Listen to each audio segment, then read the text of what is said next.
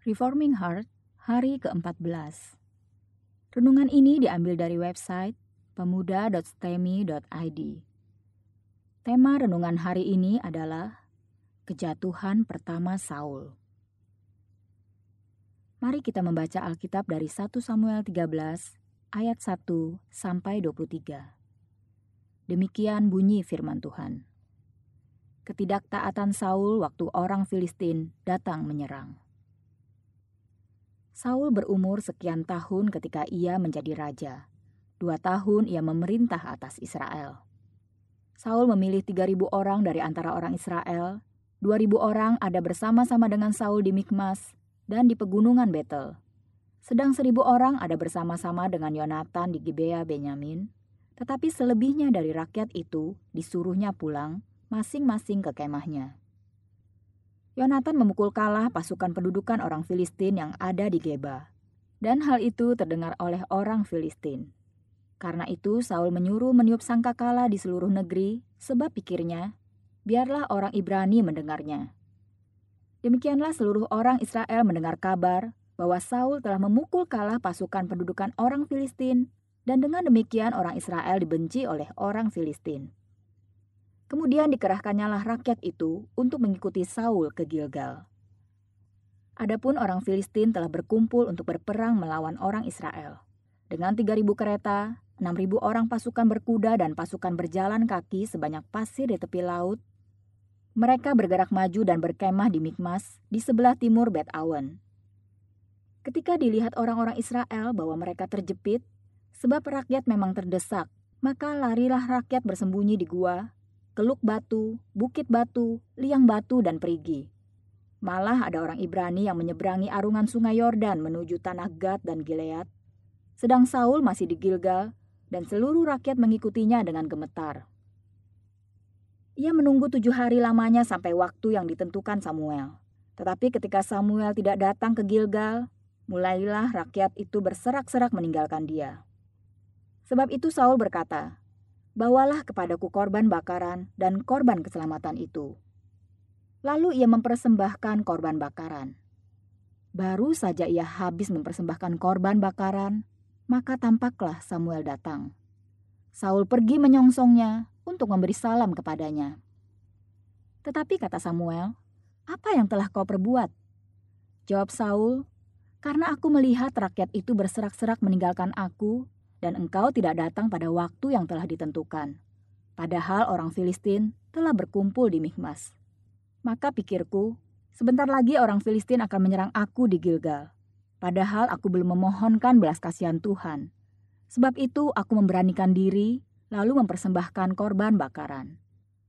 Kata Samuel kepada Saul, Perbuatanmu itu bodoh. Engkau tidak mengikuti perintah Tuhan Allahmu yang diperintahkannya kepadamu sebab sedianya Tuhan mengokohkan kerajaanmu atas orang Israel untuk selama-lamanya. Tetapi sekarang kerajaanmu tidak akan tetap. Tuhan telah memilih seorang yang berkenan di hatinya, dan Tuhan telah menunjuk dia menjadi raja atas umatnya.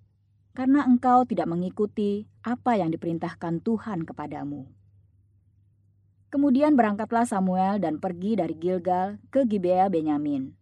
Tetapi Saul memeriksa barisan rakyat yang ada bersama-sama dengan dia itu, kira-kira 600 orang banyaknya. Saul dan Yonatan anaknya dan rakyat yang ada bersama-sama dengan mereka tinggal di Geba Benyamin, sedang orang Filistin berkemah di Mikmas. Maka keluarlah orang-orang penjara dari perkemahan orang Filistin dalam tiga gerombolan. Gerombolan yang satu mengambil jalan ke Ofra, ke daerah Shual. Gerombolan yang kedua mengambil jalan ke Bet Horon, dan gerombolan yang satu lagi mengambil jalan ke perbatasan yang menghadap ke lembah Seboim arah ke padang gurun. Seorang tukang besi tidak terdapat di seluruh negeri Israel, sebab orang Filistin berkata, jangan-jangan orang Ibrani membuat pedang atau tombak. Jadi semua orang Israel harus pergi kepada orang Filistin untuk mengasah mata bajaknya, beliungnya, kapaknya, atau aritnya masing-masing. Adapun bayarannya ialah dua per tiga shikal untuk mata bajak dan beliung, dan sepertiga shikal untuk mengasah kapak dan untuk memasang kusa. Sehingga pada hari pertempuran itu, sebilah pedang atau lembing pun tidak terdapat pada seluruh rakyat yang ada bersama Saul dan Yonatan. Tetapi Saul dan Yonatan, anaknya itu, masih mempunyainya. Kepahlawanan Yonatan dan suatu pasukan pengawal orang Filistin telah keluar ke pelintasan gunung di Mikmas. Mari kita merenungkan bagian firman Tuhan ini. Kitab Samuel ini sungguh penuh dengan drama. Bayangkan, baru dilantik jadi raja, bahkan diakui oleh seluruh rakyat sebagai raja yang berani, Saul sudah jatuh di dalam dosa ketidaktaatan. Seperti yang dikatakan di dalam 1 Samuel 9 ayat 16 yang berbunyi, Besok kira-kira waktu ini, aku akan menyuruh kepadamu seorang laki-laki dari tanah Benyamin. Engkau akan mengurapi dia menjadi raja atas umatku Israel dan ia akan menyelamatkan umatku dari tangan orang Filistin. Sebab aku telah memperhatikan sengsara umatku itu, karena teriakannya telah sampai kepadaku. Maka salah satu tugas raja yang dipilih Tuhan adalah membebaskan Israel dari Filistin. Bangsa-bangsa di sekitar Israel sangat gencar memberikan gangguan kepada Israel. Tuhan melarang Israel menjalin relasi dengan bangsa-bangsa di sekitar mereka karena Tuhan tidak ingin mereka diserongkan oleh agama bangsa-bangsa lain itu, sehingga akhirnya mereka menolak Tuhan. Tetapi Tuhan juga tidak ingin adanya penindasan. Filistin sangat kuat dan menjadi penindas Israel pada saat itu. Tuhan membiarkan Israel ditindas sebagai penghukuman karena tidak setia kepada Dia. Tetapi ketika Israel kembali kepada Tuhan, memohon pengampunan Dia, maka dia pun membebaskan Israel dari penaklukan bangsa Filistin. Filistin sendiri sebenarnya bukanlah satu kerajaan yang utuh. Mereka terdiri dari banyak raja-raja yang bersatu karena kesamaan bangsa. Jadi tidak ada seorang raja ataupun satu pasukan kerajaan yang harus dihadapi Israel. Israel harus memerangi sejumlah raja-raja kota dari Filistin. Itulah sebabnya Meskipun Filistin pernah dikalahkan dalam peperangan oleh Israel di bawah Samuel, mereka tetap kuat dan tetap menaklukkan Israel. Alkitab mencatat bahwa nanti Daudlah yang akan menaklukkan Filistin dan menyebabkan kehancuran final mereka. Tetapi seandainya Saul taat, maka mungkin saja pertempuran perdananya dengan orang Filistin akan menghancurkan Filistin secara total. Mari kita lihat kembali dari 1 Samuel 10 ayat yang ke-8. Ada satu tanda lagi yang akan Tuhan kerjakan melalui Saul. Tuhan akan menghancurkan Filistin melalui Saul dengan tanda penyertaan yang akan dia berikan di Gilgal. Tetapi bacaan kita hari ini mengatakan bahwa Saul tidak menantikan tanda penyertaan dari Tuhan. Dia tidak menunggu Samuel karena takut rakyat akan meninggalkan dia. Ayat 9 mengatakan, Akhirnya Saul sendiri yang mempersembahkan korban kepada Tuhan. Ini melanggar apa yang Tuhan perintahkan dalam 1 Samuel 10 ayat ke-8 yang berbunyi, Engkau harus pergi ke Gilgal mendahului aku, dan camkanlah, aku akan datang kepadamu untuk mempersembahkan korban bakaran dan korban keselamatan. Engkau harus menunggu tujuh hari lamanya, sampai aku datang kepadamu dan memberitahukan kepadamu apa yang harus kau lakukan. Tuhan akan memberitahukan Saul apa yang harus dia perbuat. Tuhan akan menyatakannya melalui Samuel. Tetapi Saul tidak mau menunggu. Dia mengandalkan kekuatan sendiri, dan karena itu dia menjadi takut ketika pasukannya terus berkurang. Tetapi apakah Tuhan tidak sanggup menghancurkan musuh dengan sedikit orang? Gideon hanya diberikan 300 orang oleh Tuhan untuk menghadapi pasukan Midian yang sangat besar, sehingga nyaris tidak dapat dihitung jumlahnya. Dengan demikian, Tuhan ingin melakukan hal yang sama dengan yang dia kerjakan melalui Gideon. Dia mengirim sepasukan kecil umatnya menghadapi pasukan seperti pasir di laut. Setelah itu dengan perantaraan seorang utusan, Tuhan memanggil seorang pemimpin di Israel. Dan pemimpin itu akhirnya menghancurkan musuh yang sangat besar dengan tentara yang sangat sedikit. Inilah yang Tuhan kerjakan melalui Gideon, dan yang akan Tuhan kerjakan lagi melalui Saul. Ketika seluruh Israel mulai gemetar dan tentaranya terserak, Saul tidak ingat apa yang Tuhan kerjakan melalui Gideon. Dia hanya tahu kekuatannya makin habis. Maka dia tidak taat kepada perintah Tuhan, meskipun Samuel sudah memperingatkan dengan keras pada 1 Samuel 10 ayat 8 yang mengatakan, Camkanlah, aku akan datang kepadamu dan memberitahukan kepadamu apa yang harus kau lakukan. Ketidaktaatan Saul berdampak sangat buruk bagi diri sendiri. Yang pertama, dia tidak dapat menyaksikan bagaimana Tuhan bekerja menghancurkan musuh-musuhnya dengan kekuatan yang sedikit dia gagal menyaksikan Tuhan bekerja melalui dirinya. Dia tidak bisa mencatatkan namanya dalam sejarah Israel, sejajar dengan Gideon yang memukul musuh yang sangat besar dengan kekuatan kecil. Yang kedua adalah Tuhan tidak jadi memakai Saul dan dinastinya untuk menjadi dinasti kerajaan yang tetap selama-lamanya. Namun di sinilah kita melihat keagungan rancangan Allah. Allah telah menetapkan Daud menjadi raja dan keturunannya akan terus berkuasa atas tahta di Israel. Tetapi Daud dipanggil karena Saul sudah tidak taat lagi kepada Tuhan. Saul tetap diberikan janji yang besar oleh Tuhan, dan janji itu tidak akan dicabut oleh Tuhan andai kata Saul tetap setia kepadanya. Benarkah Tuhan sudah memilih orang-orang di dalam ketetapan kekalnya? Ya, tetapi ini tidak berarti dia tidak bersungguh-sungguh ketika dia menjalankan ketetapannya di dalam sejarah.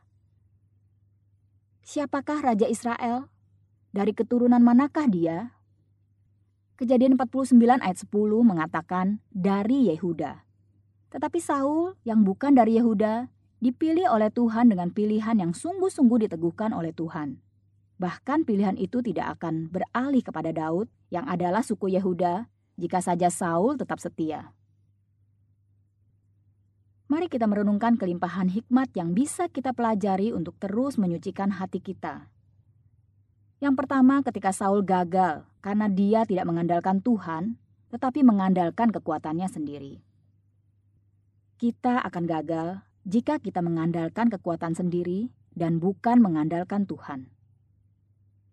Apa yang dimaksud dengan mengandalkan Tuhan? Perhatikanlah sungguh-sungguh bahwa mengandalkan Tuhan berarti menaati Dia dan menjalankan kehendaknya. Mengandalkan Tuhan harus dimulai dengan berkata, "Jadilah kehendakmu." Hal ini seperti tertulis di dalam Matius 6 ayat ke-10 yang mengatakan, "Datanglah kerajaanmu, jadilah kehendakmu di bumi seperti di sorga." Kita tidak bisa menjalankan hidup semau sendiri lalu lemparkan ke Tuhan setiap kali menemui masalah yang besar.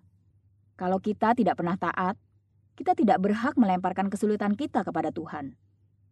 Banyak orang mencari kesulitan sendiri, tetapi melemparkan kepada Tuhan untuk jalan keluarnya. Saul sedang melakukan panggilan Tuhan, dan dia sedang bersiap melakukan perang Tuhan. Tetapi dia tidak mau berserah, percaya, dan taat kepada perintah Tuhan. Dia mau jalankan dengan cara sendiri dan dengan mencari kemuliaan bagi diri dengan mengatakan, tangankulah yang membuat semua ini berhasil. Maka kita pun harus mengerti dahulu bahwa kita sedang menjalankan apa yang Tuhan mau jalankan. Kita harus dengan jujur dan tulus mengerjakan apa yang akan mempermuliakan nama Tuhan. Setelah itu barulah kita boleh mengatakan, Tuhan, aku berserah kepada kekuatan Tuhan. Hal yang kedua, mengandalkan Tuhan juga berarti menjalankan segala cara sesuai dengan ketaatan kepada firman. 1 Samuel 10 ayat 8 mengatakan bahwa Saul akan diberi instruksi tentang bagaimana dia harus bertindak ketika sudah mengumpulkan pasukannya di Gilgal. Gilgal adalah tempat yang sangat penting karena di situlah orang Israel memperbarui perjanjian dengan Tuhan dan mengingat bahwa Tuhan telah menepati janjinya untuk membawa Israel ke tanah perjanjian. Maka di Gilgal jugalah Yosua menegakkan 12 batu peringatan untuk seluruh keturunan Israel, sehingga mereka mengingat bahwa Tuhan pernah membelah sungai Yordan untuk memberikan jalan bagi bangsa Israel untuk masuk ke tanah perjanjian yang Tuhan janjikan. Gilgal menjadi tempat yang sangat menguatkan Israel karena menjadi pengingat bahwa Tuhan membawa mereka melalui banyak kemenangan dengan tanda-tanda ajaib.